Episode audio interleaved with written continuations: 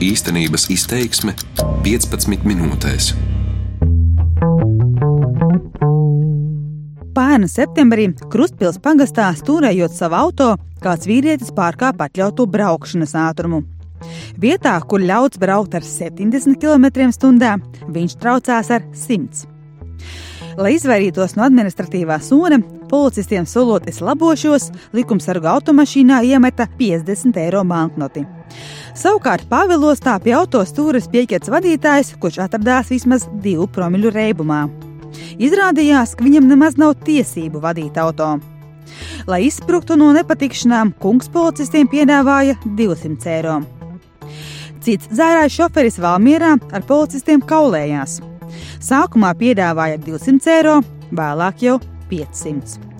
Mani sauc Zane Mači. Es izlasīju vairākus desmitus tiesu spriedumu. Tie rāda, ka visbiežāk no policistiem atpirkties pārkāpēji mēģina ar summu līdz 50 eiro. Lai arī oficiālā statistika rāda, ka kukuļošanas gadījumu skaits samazinās, aizbargā neredzamā daļa spētu sašķēdīt Titaniku. Nu, korupcija ir tomēr tāds slēpts noziegums. Nu, cik varētu būt liels šis apmērs, patiesais apmērs? Kā latento pusi jā. mēs neredzam, to grūti pateikt. Bet nu, tas notiek, jā, tas nemainās, diemžēl. Kaut vai daudz gadījumu ir uh, fiksēti. Jā. Nu, Mums katra laikā ir 40 procesi. Jā. 50 procesi. 50. Iekšējās drošības birojā, kurā izmeklē policistu robežsargu ugunsdzēsēju un citu iekšlietā strādājošo noziegumus, sarunājos ar biroja priekšnieka vietnieku Vjačeslavu Roņinu un strateģiskās plānošanas nodaras priekšnieci Ingu Mukāni. Koruptīvie noziegumi ir viņu izmeklējumu kriminālu procesu topā, saka Mukāne. Bet šie noziegumi nav topa līderi. Pirmajā vietā ir vardarbība. Kas attiecās konkrēti uz valsts policijas nodarbinātajiem un šiem noziedzīgiem nodarījumiem, kas ir saistīti ar kukuļošanu, no pastāvēšanas brīža birojas ir izmeklējis 50 šādus kriminālu procesus, kuri saistīti ar korupciju.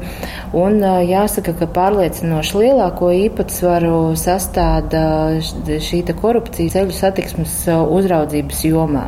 Korupcija ir ļoti sarežģīts noziegums. Tā izmeklēšana apgrūtina apstākļus, ka abas puses, gan devējs, gan ņēmējs, ir ieinteresēti klusēt. Tāpēc mēs uzskatām, ka patiesais šīs kukuļošanas gadījumu skaits noteikti ir lielāks.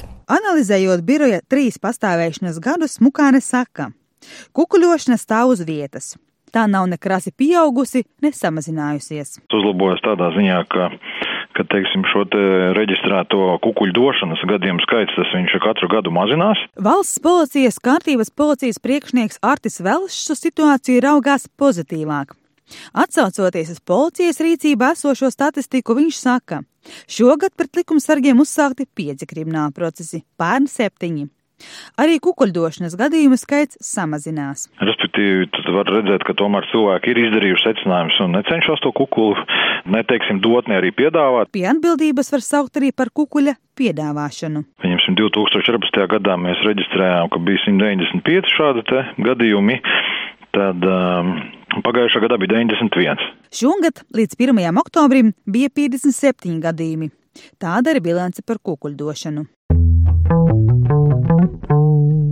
Interneta aptaujā cilvēkiem jautāju, ja ir devuši kukuli, kāda bija summa. Atbildēja vairāk nekā 260 cilvēku.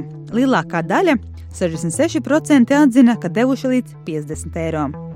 Bet pavisam maz 11% teica, ka kukulis svārstējies no 100 līdz 500 eiro. Tikpat maz sacīja, ka summa bija lielāka par tūkstoti.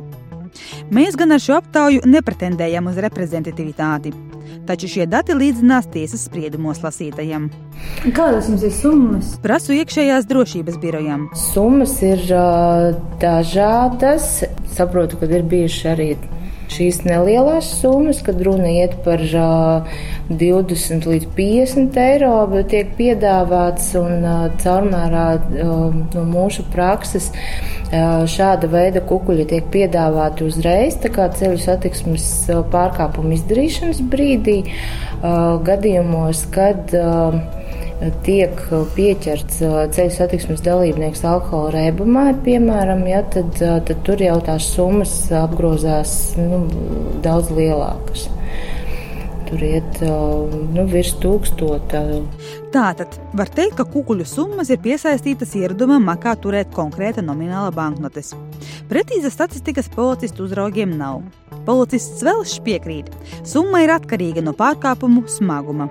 Nu, kaut vai tas pēdējais, kas man atmiņā ir, kad mums bija burtiski no patās, kad uh, Zemgāles reģionā bija arī patruļu policijas darbinieku apstādne autovadītāji, viņam bija 1,78 promils reibums, jā, nu, un piedāvāja 1000 eiro kukuli. Bet atpirkties mēģina arī ar 10 eiro. 15. gadā ir bijis lielākais 5000 ir piedāvāts, es gan nevaru pateikt, par ko tas ir bijis, jā, mazākais 5 eiro. Nu, tad, ja mēs izdalām uz kopējo fiksēto gadījumu skaitu, jā, tad, nu, tur tas summa sanāk kaut kāda pie 100 eiro. Tomēr tā ir tikai statistika. Tā nevienmēr parāda patieso ainu. Daudz skaidrāk iezīmējas tas, kam visbiežāk šādus nepiedienīgus piedāvājumus izsaka. Velšs atreferē aptaujas. Ja cilvēks ir gada laikā komunicējis vai sastapies ar policistu, tad tuvu 80% tas ir bijis tieši ceļu policists. Visbiežāk tieši ceļu satiksmes noteikumi ir tie, kurus cilvēki neievēro. No visiem administratīviem pārkāpumiem, kāda ir valstī, tas ir lielākais kopums, kas ir tieši pa ceļu satiksmi. Un, un, protams, tajā brīdī, kad ir šis pārkāpums, nu, tad noteikti ir tas vilinājums tikt vaļā no tās atbildības dažādu iemeslu dēļ. Tā kā jā, tas ir fakts, ka tā ir tieši ceļu policija, kuriem vairāk piedāvā šos kukuļus. Tiesas spriedumi rāda, ka ar kukuļa palīdzību cilvēki mēģina atpirkties arī no pārkāpuma, par kuru sots nav bargs. Dodos uz Latvijas Universitātes psiholoģijas fakultāti. Pie tās vadītāja profesora Ivara Austera. Es tev ar kungu nāku. Viņš saka, ne viss ir monetārs iegūms. Teiksim, viņš var negribēt, ka darba devējs uzzina, vai cilvēks var negribēt, ka nezinu, mājās ģimene uzzina, nu, tur var būt visādi lieti, jo, ja tas būtu vienkārši jautājums par naudu, tad nu, tik iracionāli jau cilvēku nav? Cilvēks saprot, ka ilgtermiņā kukuļdošana nav labs risinājums, bet nonākot konkrētā situācijā, viņam jāatrisina divas lietas. Jātiek galā ar problēmu, piemēram, pieķeršanu ātrā braukšanā, un jāsaglabā labs priekšstats par sevi, proti, lai neviens neuzzinātu par viņa pārkāpumu.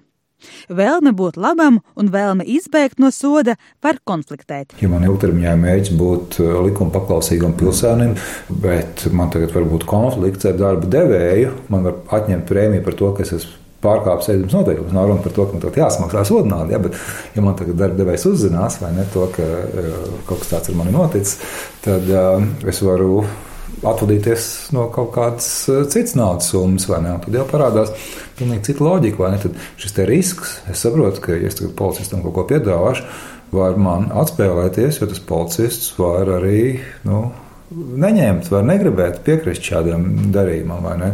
Mēs varam tā teikt, ka mūsu sabiedrība vairumā uzskata, ka sabiedrība, kurā viņi dzīvo, ir negodīga.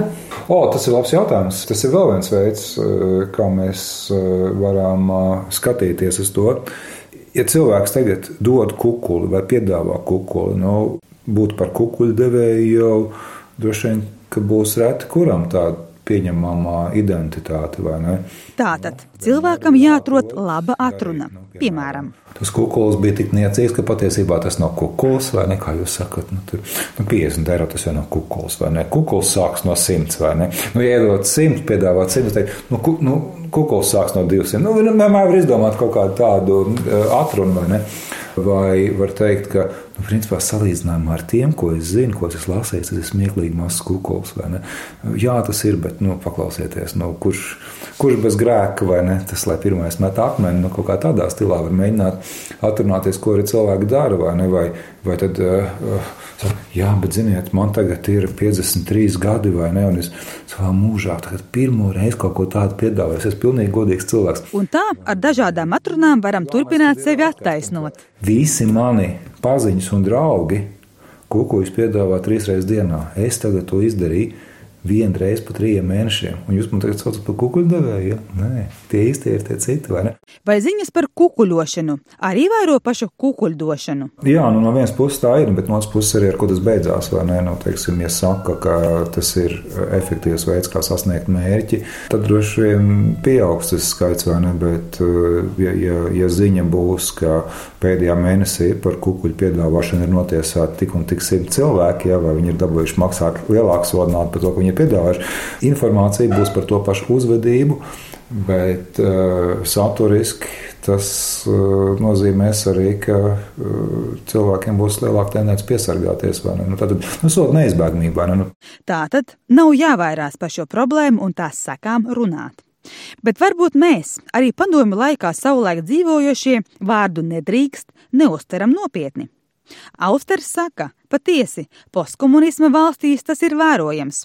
Šāda uzvedība nav bez pamata. Likumi netika rakstīti, lai veicinātu sabiedrības labklājību, lai veicinātu drošību, lai veicinātu cilvēktiesības un tam līdzīgi, nu, kas ir normāls rietumu likumdošanas pamatā.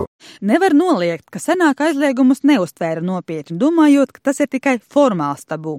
Piemēram, nu kā, nu, ja tu esi redzējis, kurš bērnības tur uh, ziemā uzraksts peldēties aizliegts un vasarā uz ledus nekāpiet, nu, tad tu saproti, ka tās ir muļķības. Vai arī? Vai arī vienkārši apzināti pārkāpt, tāpēc ka likumi ir rakstīti no varas pozīcijām un tautai likums ievērot ir gods. Runājot ar cilvēkiem, kuri bijuši pārkāpēji jādā, iezīmējas vēl kāds scenārijs. Iespējams, policistu komunikācija vedina domāt par kuģa došanu. Proti, uzrunājot likumu neievērojošo, izskan frāze: Ko darīsim? Tu vari būt laipns, bet uh, tu nedrīkst radīt. Uh, šķitumu, ka jā, te ir, tev ir iespējams izvēlēties. Nē, izvēlēties, ja tu esi ātruma pārkāpis, tu, var, tu varēji iepriekš, vai ne? Saka Austers. Par komunikācijas stilu jautāju vēlšam no policijas. Bet tas viņa, ko darīsim, iespējams cilvēkam dod tādu kā signālu, ka iespējams mēs varam kaut ko darīt ar šo situāciju.